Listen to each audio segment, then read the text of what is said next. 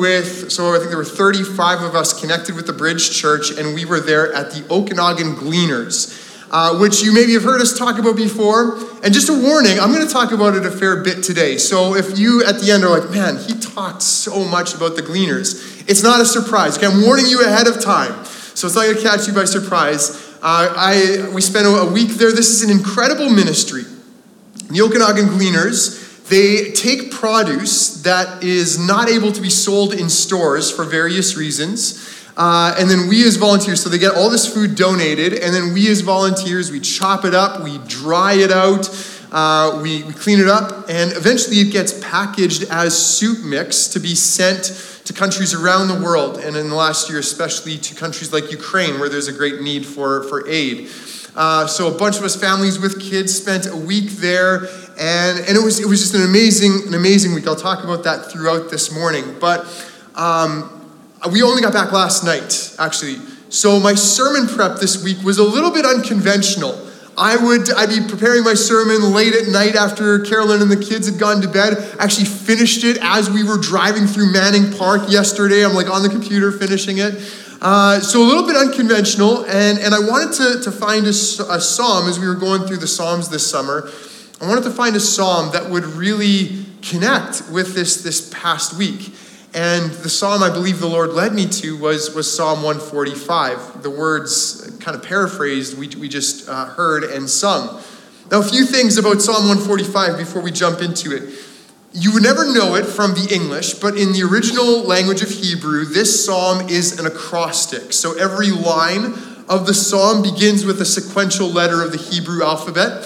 Uh, it's the last psalm ascribed to David in the book of Psalms in case that ever comes up and you're on Jeopardy and that's the question, there you go, Psalm 145. Doesn't mean that it was the last psalm that he wrote, just but, but it would be a good song to kind of go out on in terms of your songwriting career, because as we'll see, it's a powerful song of, of worship and praise. Actually, it became so loved and so popular in the years afterwards that uh, it, was, it was central to worship in the synagogue and the Talmud. And a very important Jewish writing a few centuries after Jesus said that anyone who memorizes this psalm and repeats it three times a day is definitely a child of the age to come. So, in case you're ever wondering, how do I get to heaven? There's the answer. You know, just memorize Psalm 145 three times a day, boom, you're in. That's it. Uh, it's a good psalm. We would disagree with that, but, uh, but it's a good psalm uh, and, and you would be well served to, to, to memorize it and to recite it as well. So, with all that said, we've built it up enough. Let's pray and then read, read Psalm 145. Jesus, thank you so much for this morning. And I thank you, Lord, that you are worthy of, of our praise. This morning, we have just been lifting our eyes to you and, and telling you that you are great. And so I pray that that as we come here this morning and whatever is going on in our hearts, whatever is going on in our lives, I pray that by your grace that we would look to you and that we would find freedom and peace in your presence.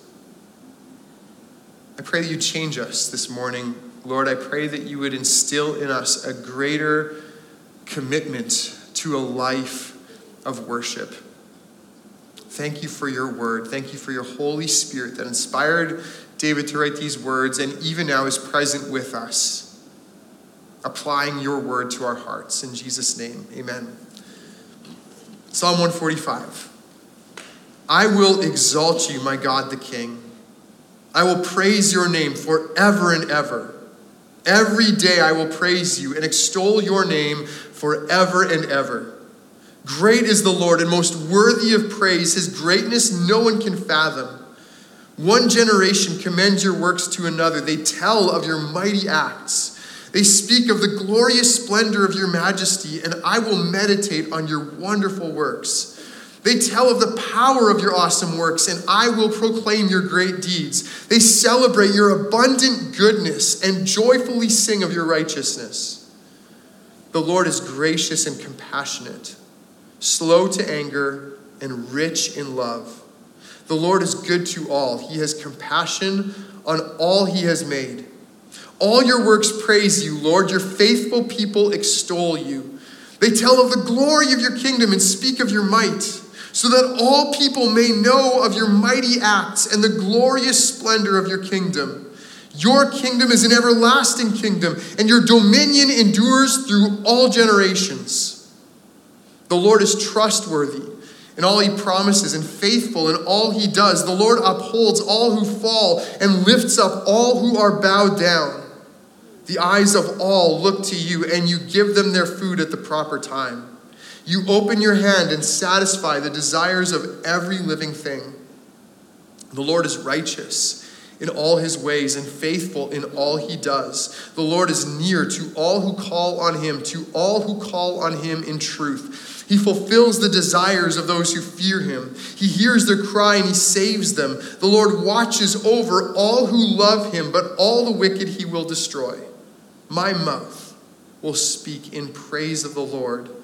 Let every creature praise his holy name forever and ever. Amen. So David starts out with this commitment to praise. He says, I will exalt God the King. That, that language exalt in the ancient world, and, and of course today as well in many places, the king is literally exalted, is placed on a higher throne than others. And, and that's symbolic of the higher status and honor that is due that king. And, and here you've got David, a king, the greatest king in Israel's history, a king who saw so much victory and success, who had this, this power in his kingdom, and yet he says, I will exalt God, the king. There is a throne higher than him. You see, some of us, we, we think about greatness, we perhaps even desire greatness. Biblically, that's not necessarily a bad thing. But what you need to understand is that biblically, greatness is defined by service to God, it's defined by the humble recognition that God is far far superior. That no matter what letters you have beside your name, no matter what achievements you've racked up, no matter what people say about you, there is one who is far superior and who alone is worthy of praise. So David says, I exalt God. I place him on a far higher throne. I recognize his far higher throne than, than mine. And, and he says, I am so committed to praising God, I'm going to do it every day. And in fact, I'm going to do it forever and ever. I'm just going to keep on praising God for the, for the rest of my days and, and beyond. You know, if I, um, if I kind of got a big head and I said, hey, I want you to tell me all the things that you think are praiseworthy about me as your pastor, I think a few of you could come up with enough content to fill maybe 30 seconds or so, right? Maybe one or two of you. But David says that with God, I'll never tire of things to say about him. I'll never run out of things. See, when you grasp who God is, when you see his character, you, you, you just you don't run out. You don't, you don't get tired of, of praising him because there's just always more to say. He's gonna, he's gonna praise him forever and ever. I want to ask you a question. Have you made praise a regular part of your life? Have you made it a regular, a regular component of your prayer life? This point is often made. This is not new. But a lot of times we come to God in prayer and we start off with our requests, right? Here's the list of our petitions. I do that sometimes. Uh, or, or you come to God and you, you say to Him, God, here are the things that are really troubling me, the things that are really stressful, the things that are really heavy, and I need you to do something about these things so that I can keep on living functionally. Again, that, that's okay, I think, at times when there's real heaviness in our hearts to lead off with that. There's nothing wrong with that. But if that becomes our default posture in prayer, that we're always coming to God and just going, here it is, God, here are the things I need you to do, I think we've missed the point. Because biblically, prayer ideally starts with praise. The biblical prayer that we know of as the Lord's Prayer starts off this way. It says, Our Father. Jesus teaches his disciples to pray, Our Father in heaven, hallowed be your name. Before anything else, you want to recognize who God is, and you want to recognize that His name is unlike any other name in creation. So start, start with praise. That's what David does. Here's who God is. Whatever else is going on in my life, this is what's true. This is what's certain. This is what's solid. This is what I'm going to keep on coming back to. Now, why is God so worthy to be praised? Why is he so amazing that you could just go on and on and on about him? That's what David spends the rest of the psalm talking about. And we could kind of divide it into two main categories. He talks about God's greatness and he talks about God's goodness. So let's start with, with the greatness, especially in verses 3 to 7. There's some overlap here. They're not neat like uh, categories, but verse 3 to 7 especially, David focuses on the greatness of God. And, um, and, he, and, and, and he just kind of says, Your, your greatness, God, is, is unfathomable, it's, in, it's un, incomprehensible. Some people, if you're putting together, um, if they're putting together their resume, have a hard time filling up one page, right?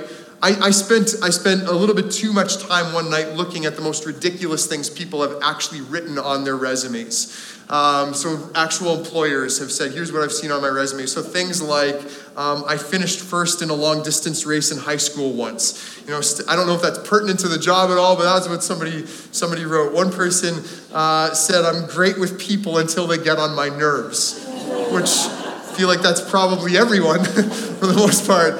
And then another person said, I promise not to steal office supplies and take them home with me. So that's, you know, that's a skill. That's something you can put on your resume. I don't steal things from, from the workplace. And people are just filling up their resume any way they can, right?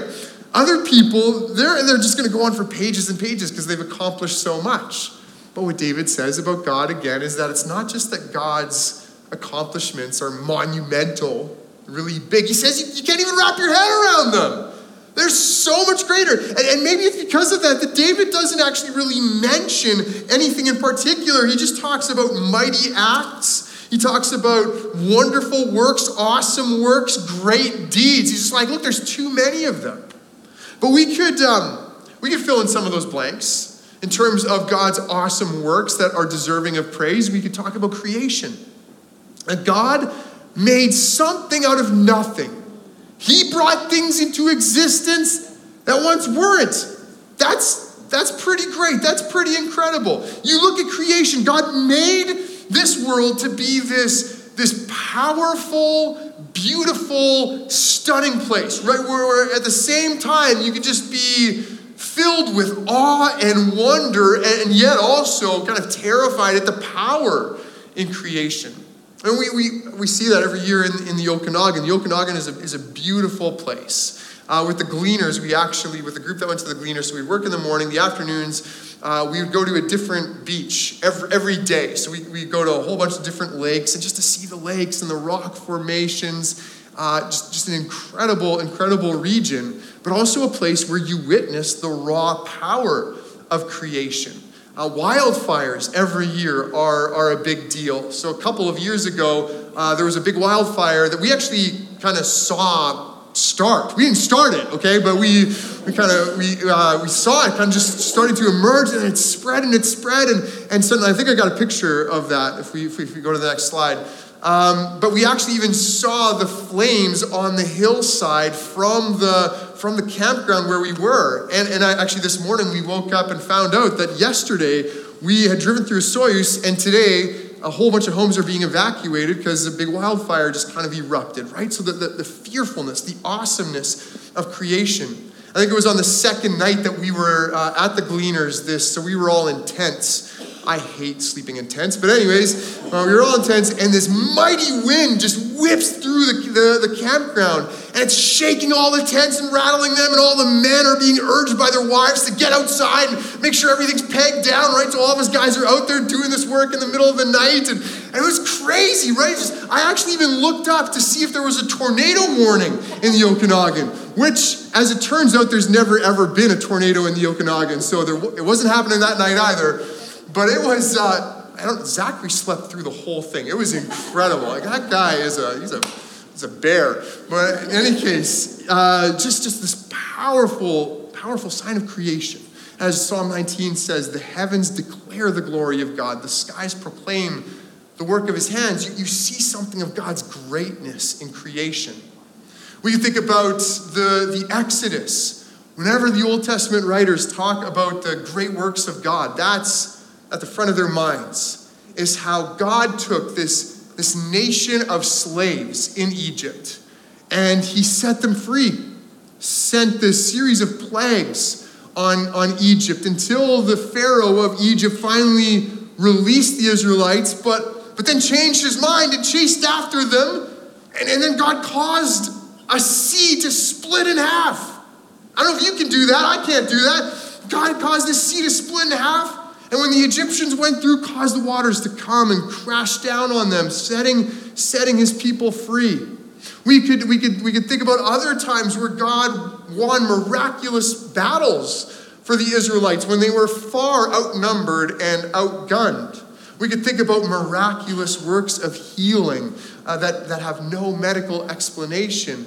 And, maybe most of all, we, we could talk about God's power to bring life out of death. We could talk about the resurrection of Jesus. And this is an event that I, every Easter, I kind of go through in a lot more detail about about how there is so much evidence for the resurrection of Jesus, more than most events in ancient history that we would have. God raised Jesus from the dead. He defeated the thing that had defeated every single human being since the dawn of time. If you ask me, I'd say that's pretty great. God is great. And David says a couple more things uh, important about, about God's greatness he says that, that this greatness, that the, the testimony, the witness of God's greatness is transmitted from one generation to the next. It's almost like if, if you have if you have experienced the greatness of God, you are responsible to pass that on. Yeah. So that other people would hear it and would know it and would join in that praise as well. David says one generation commends it to the next. There's just this long history of, of one generation to the next. Now, I, I know that Christians in the Western world today get a little bit nervous about the generations that are coming up. Because statistically, in the West, not in the East, but in the West, places like North America and Europe, uh, my generation, the millennials, and the generation after me, the Gen Zs, statistically, there's a significant drop off in terms of religious affiliation, attendance at worship services, living according to the scriptures, even knowing the knowing anything about the Bible. There's a there's a big drop off, and so some people get kind of anxious about this and, and worry that maybe the church in the West is going to die out in this generation. Hold on. Just think about that. You're saying that what wars and famines and dogmatically atheistic governments and persecution couldn't do, the iPhone will? That the iPhone's gonna kill the church in the West? That this generation is where it's going to end, that it's passed from one generation to the next to the next, and this is it? Now, look, there, there really are a lot of forces, and maybe increasingly so, forces at work in the world that would keep people from following Jesus, that, that are kind of standing against that. We need to be aware of those. We need to be praying zealously for the spiritual revival of this generation. We need to be investing in leaders in this generation leaders like Nate and Katie and, and whoever God will call to take their place here at the bridge. We need to be investing in those leaders, investing in youth ministry and young adult ministry and children's ministry, all that stuff. That's what we're about here at the bridge. But we don't need to be anxious. Because what God does over and over again in history, we see this where, where a generation arises that doesn't know his greatness, and so they fall away, but God is always looking for a remnant. No matter how small it might be, he's always looking for that remnant that he can breathe new life into and through. If you were, uh, if you were here a couple of weeks ago when we watched the Jesus Revolution movie, you, you saw an example of that. Back in the 60s and 70s, a generation that a lot of people had no hope for. Here, God did something surprising and amazing through the Jesus People movement. And I, I see it happening now. Guess where I saw this happening this past week? At the Gleaners. This is the, this is the congregation participation time. I'm going to do that a few times. So, uh, yeah, we saw this happen at the Gleaners. So it was open to anybody, but in the end, it was, it was families with kids who ended up coming. So kids as young as five years old. I don't know if this is like legal under child labor laws or anything like that, but but they were they were uh, they're putting in a couple of hours of, of work every day. And I know last year Zachary going up was just like hating the idea of this week. Like working for a couple of hours a day, how terrible. At the end of the week, that was his highlight of the week, was, was, was doing this work. Other kids as well who dreaded going this year and in the end said, I loved doing the, the work, ser- serving God. I heard it in the prayers of my kids at night. They would just, they would pray. Kids' prayers are so sweet, right? And they just thank you, God, that we got to help feed the hungry for you today. Like that, that kind of thing, right? They, they, they, they came alive as they served together with, uh, with, uh, with others. Um, with, with other adults. And, and I see it here at the bridge in, in general, right? I see kids who are unafraid of being the Christian kid in their public school. It was way easier for me growing up in Landmark, Manitoba, where we had where we prayed the Lord's Prayer every day before school in a public school teachers doing devotions in the morning in a public school. Here, some of the kids in North Van, they might be the only kid who is a follower of Jesus in their whole grade. And, and yet they're unafraid to, to, to be a follower of Jesus and to speak about why they, they think and believe differently. So I, I see that, I see that here. Um, God's praise is not going to end with the baby boomers. You know, it, it's going to keep on. God's, God's going to make sure of that. The other really important thing that we see here is that the way that God's greatness is passed from generation to generation is through public public praise. it's through speaking it. It's, it's this kind of corporate worship that brings this about. So, in, in a whole bunch of ways, David uses this language. He, he says, that uh, they commend your works. They tell of your mighty acts. They speak of your majesty. They, they tell of your powerful works. They, they celebrate your goodness and joyfully sing of your righteousness. One commentator says that, uh, that verse 7 there evokes the image of a fountain that's just kind of bubbling up. There's like this internal pressure that just has to get out. And this is what happens when people praise God, when they start to look to Him and recognize who He is. People, people start, it's like it just bubbles up. They need to get it out. They need to express the greatness of God. That's what happens on Sunday mornings here at the bridge. And you need to understand this that when you come on a Sunday morning and you are proclaiming the truth about who God is, that's actually evangelistic. That itself is missional we sometimes think that what we do here on a Sunday morning, well, this is just for us. This is our little Christian club, and then maybe we'll go out there and we'll be missional like in the in, in the rest of the week. But what we do here on a Sunday morning is missional. It's evangelistic.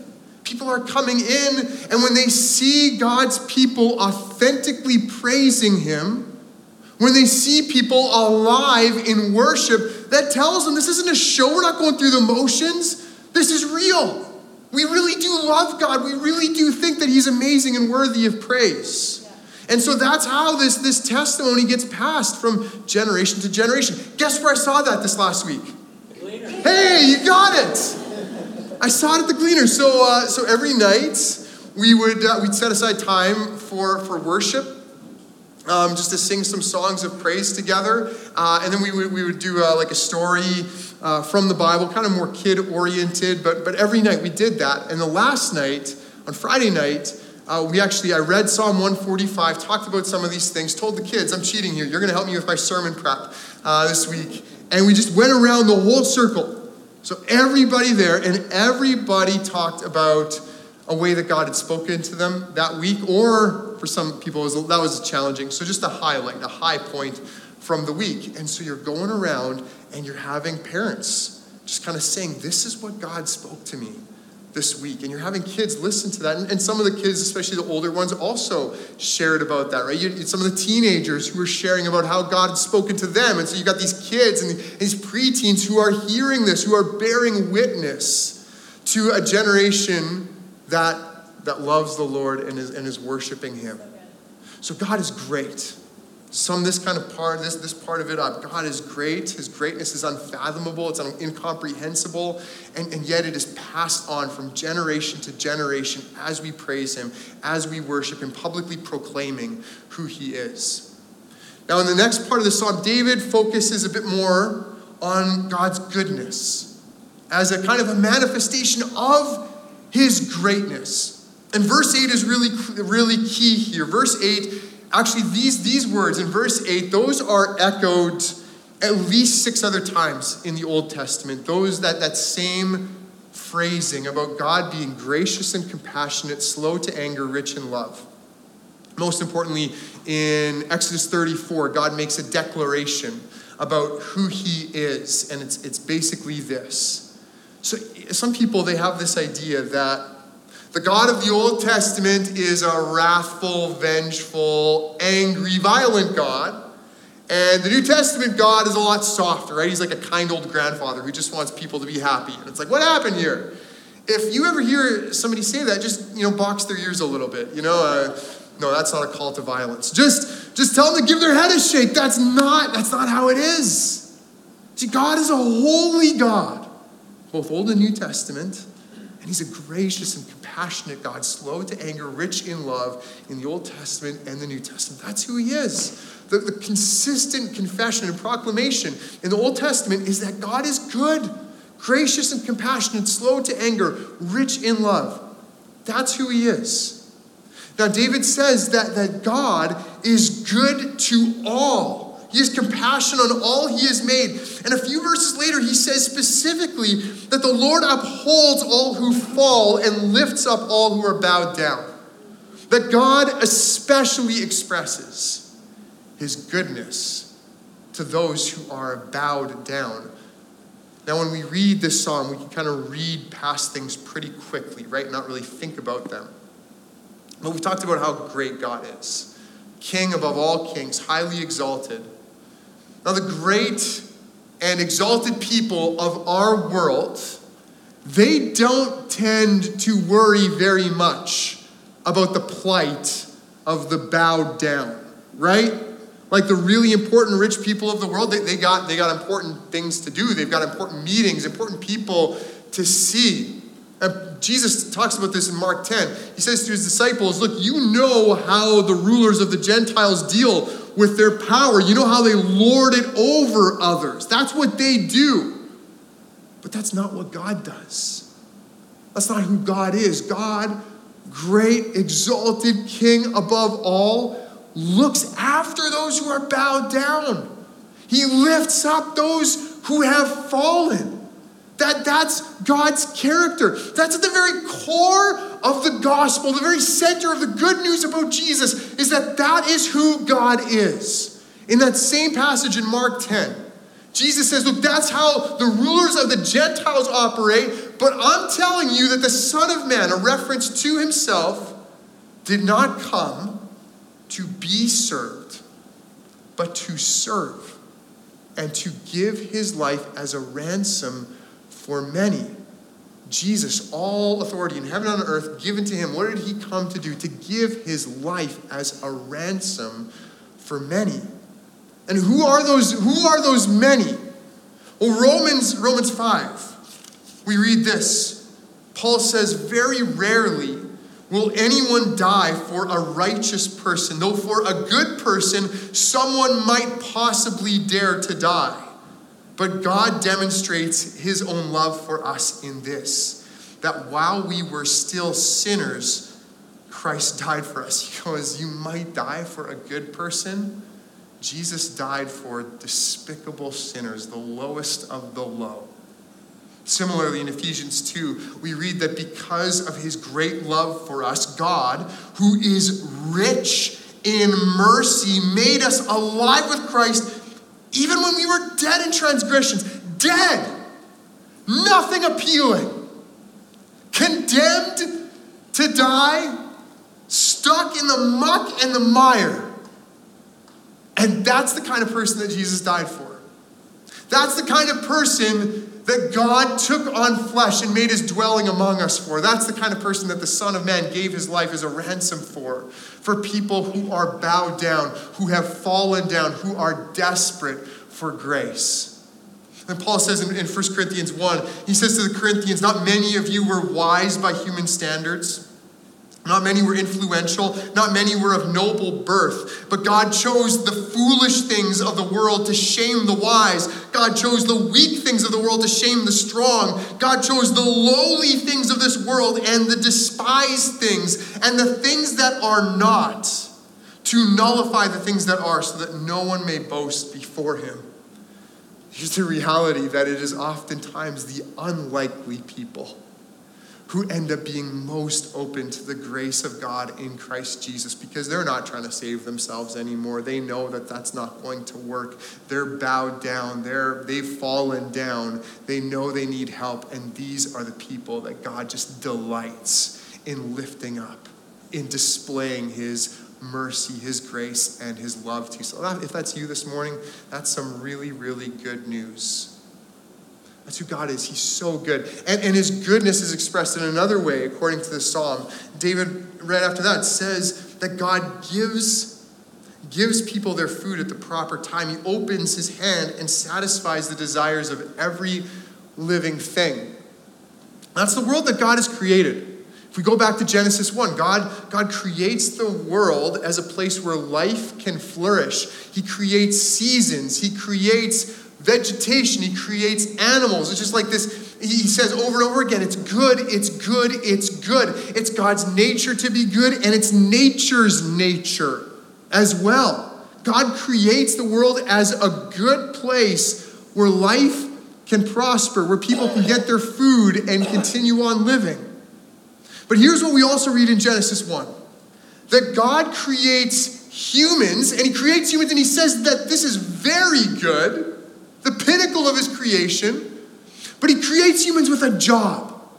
He gives them responsibilities. He creates them in his image so that as his image bearers, as his priests, as his rulers, that they will join with him, participate with him in this work of tending for creation, caring for it, providing for creation, providing food even for creation. Humans are called to tend and work the land so that it will continue to bear fruit. See, see God doesn't create humans just to be passive observers, but active participants in his good work. God is good, and he calls humans to participate with him in that goodness.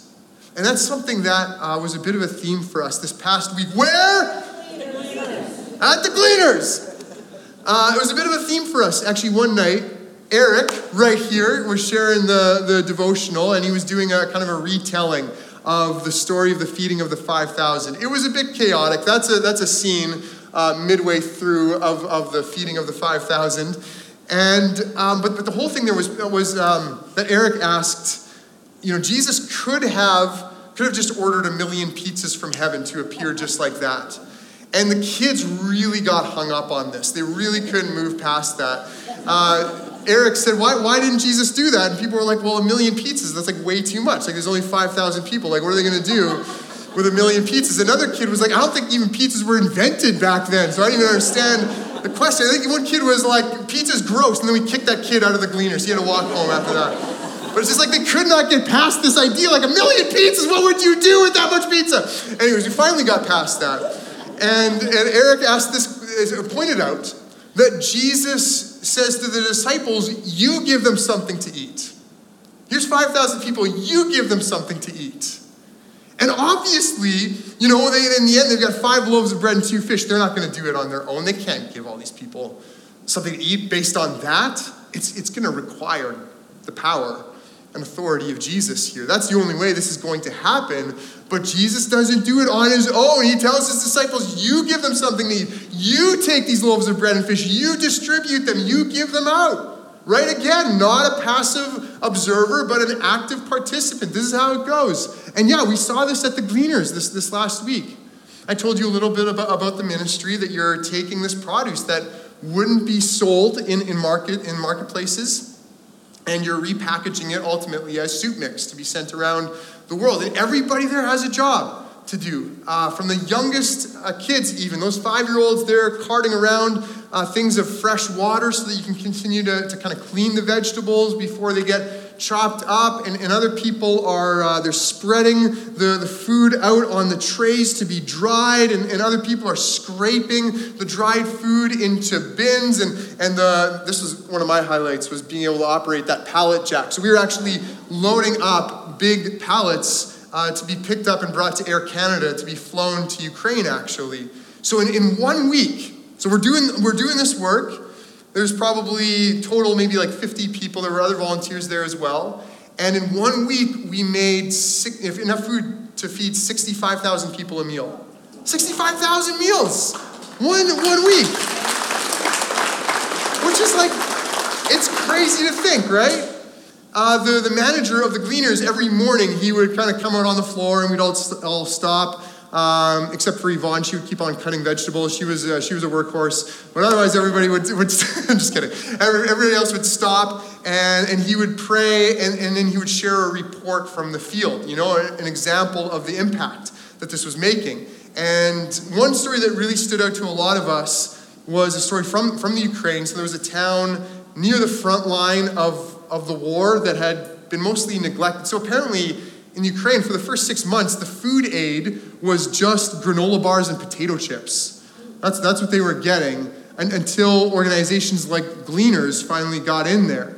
And so this, this partner that works at the Gleaners was there on the front lines at this, at this, in this town, and uh, people were just desperate for food. The letter even said that there were seniors who were trampling over each other to try to get to the food. But when they first came to that town, this, this woman runs out of her home just yelling out, They found us. We are important.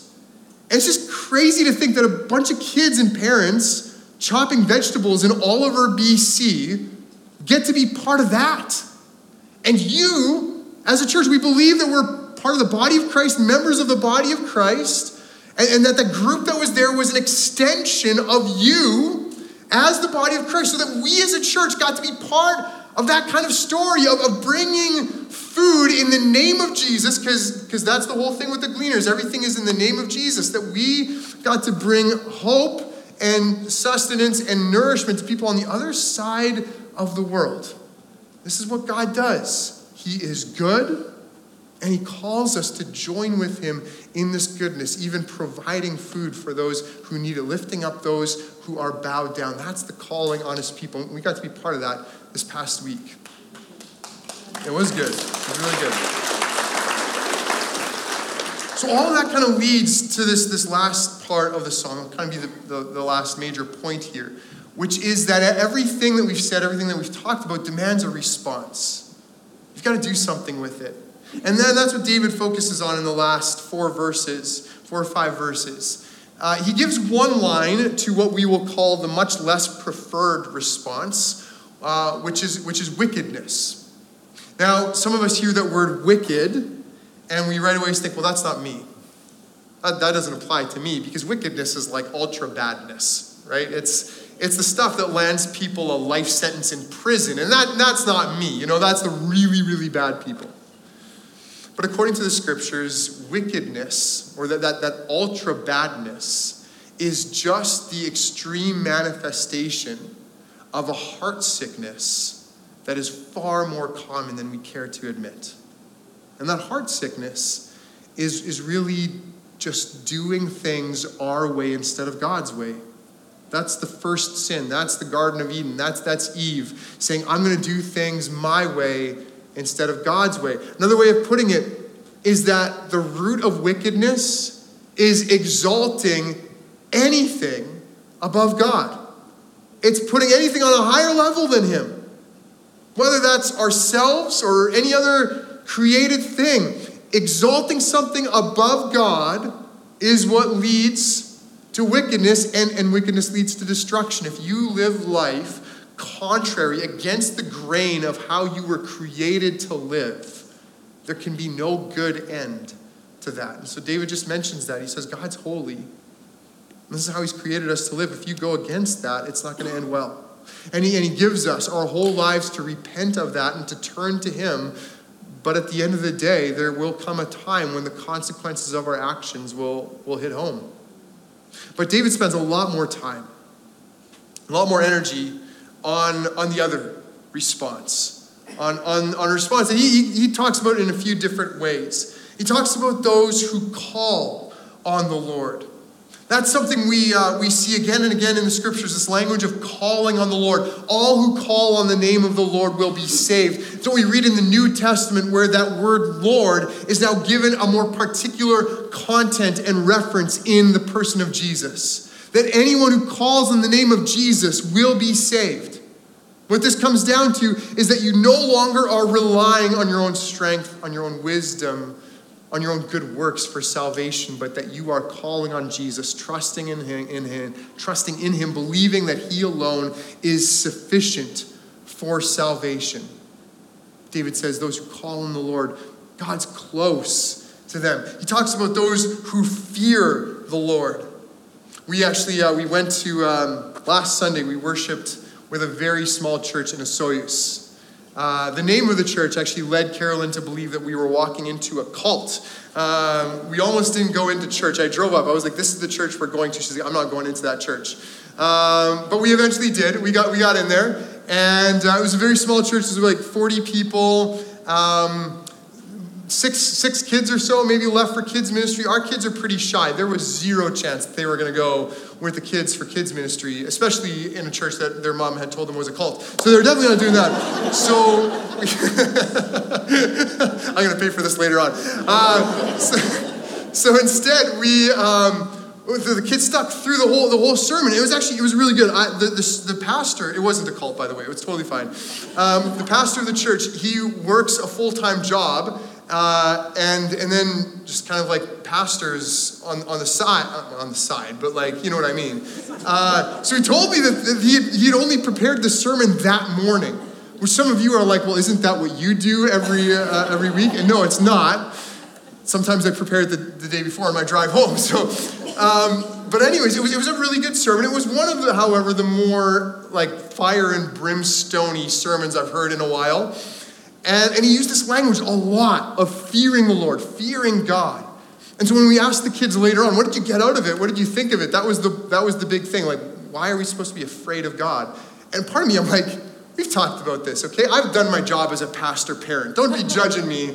We've talked about this before, but they needed a refresher. So we talked about how to fear the Lord is, is to be in awe of Him, to revere Him, to respect Him, to live life with this an awe filled worship of, of God. And David again says that those who fear the Lord, the Lord will, will satisfy their desires. And I think part of that is, is when you desire God, when you fear God, your desire is for Him. And God says, I'm going to give you more of myself. I'm going to fill you with my spirit. I'm going to pour out my love on you. And, and, then, and then David talks about those who love the Lord. And you, you might know this. Jesus says the greatest command in all the scriptures is to love God. Which is why, again, when I, when I think about a lot of people in our city and our culture who are like, well, I'm a really good person because I do this and this and this and this. Well, do, do you love God? Do you love Him with all your heart, soul, strength, and mind? Because if you, if you don't do that, uh, you're actually you're breaking the first commandment over and over and over again. So how good is that? right? Like this is the, this is the biggest thing to love the Lord, to live life in obedience, in service to Him. And again, David says, for those who love the Lord, those who see who He is, and just say, I, I just want to be in relationship with God. I want to know Him. I, I, I want to worship Him. Well, David, David says that those who love the Lord, the Lord watches over them, protects them. And so put this all together, David says, that's what I want to that's what I want to do. That's who I want to be. And so I'm just going to keep on praising him. I'm just going to keep on worshiping him. David reaffirms this commitment to praise. And, and that's the challenge for us today as well. When you look at God's character and who he is in the scriptures, unfathomably, incomprehensibly great, and abundantly, surprisingly good. When you look at who he is, what's your response? You could keep on living life your own way. You could keep on exalting created things above God, putting your ways above His. I would suggest to you that that's not going to turn out well. Or you can make a commitment that David did and say, I'm, I'm going to praise God. I'm, I'm going to look to Him. I'm going to meditate on Him. I'm going to tell people about His greatness. I, am to I'm to worship Him. I'm to I'm to just keep on looking to Him and living my life with Him on the highest throne of my life. And I would suggest to you that that is the pathway to life and life to the full. Thanks for joining us at the Bridge Church in this way. If God has spoken to you through His Word, or if you're wanting to reach out to pray, or just wanting to know more about our church, access our website. There, you can connect with us and also have access to other contents. We are a church that lives to know Jesus Christ personally and to make him known. We believe he is the hope of the world and wants to give you hope as well. We believe the best news ever has come in and through him. May you know him more and make him known today. We'd love to hear from you.